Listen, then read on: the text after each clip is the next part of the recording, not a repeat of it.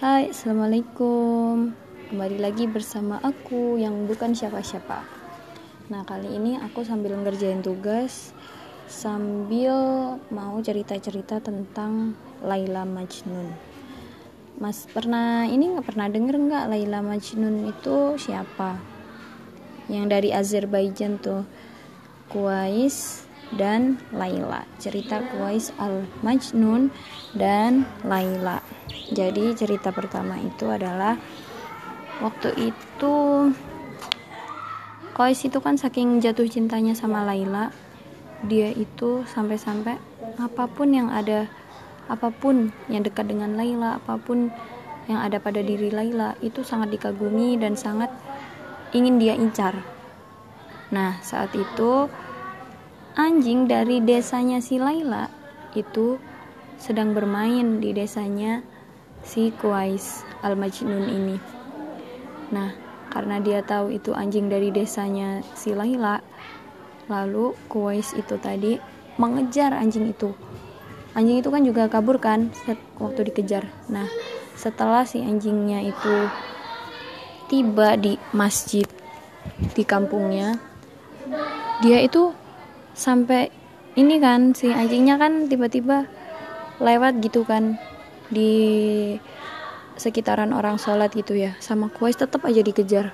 Fokus banget sampai nggak tahu kalau di situ tuh dia itu nggak ikut sholat jamaah gitu nggak ikut sholat jamaah. Yang biasanya kuais itu ikut sholat bersama um, pemuda kampung di situ orang kampung lah.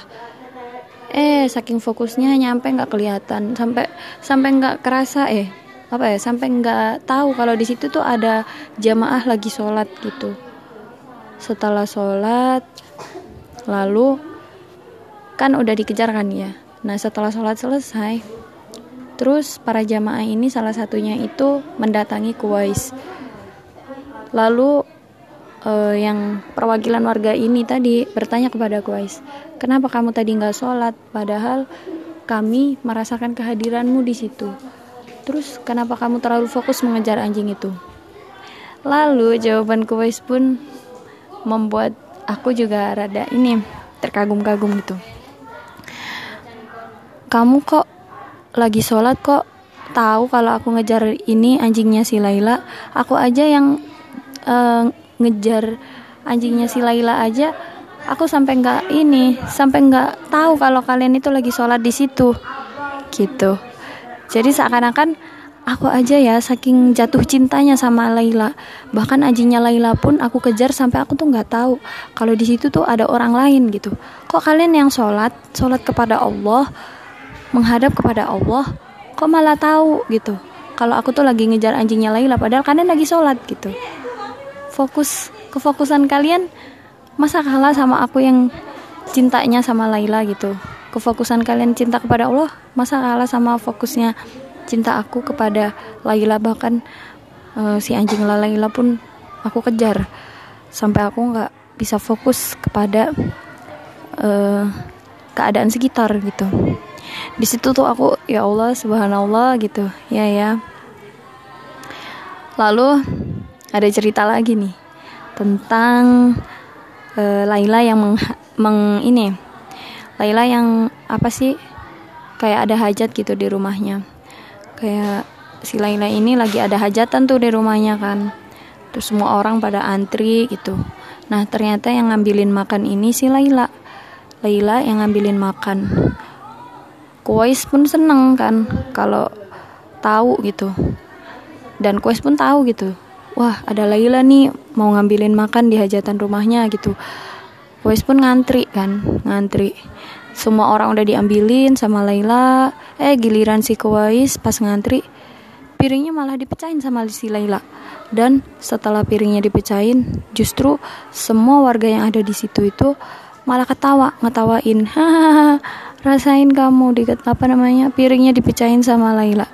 Eh Kuwais bukannya malah sedih atau apa namanya merajuk atau apa sih mengeluh gitu. Kok piring aku di dipecahin sih sedangkan yang lain malah diambilin.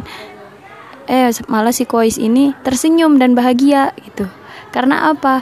Karena setelah piringnya dipecahin kan nanti Kois bisa ngantri lagi bisa melihat wajahnya si Laila.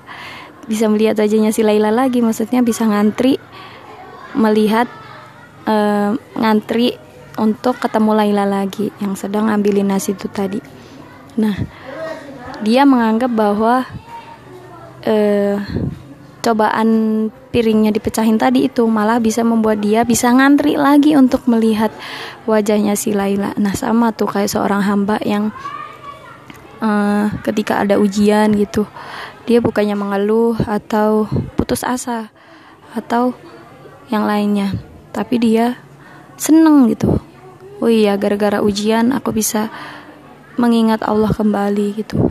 Dengan mengingat Allah inilah nikmat yang paling besar nikmat seorang hamba yang paling besar itu adalah bisa selalu atau sering mengingat Tuhan yang menciptakannya. Nah, di situ tuh kita bisa mengambil pelajaran dari Laila Majnun. Sering nggak dengar cerita Laila Majnun? Hmm, kapan-kapan aku ceritain lagi ya. Mungkin cuma itu saja nih yang bisa aku ceritain. Uh, see you next time. Assalamualaikum warahmatullahi wabarakatuh.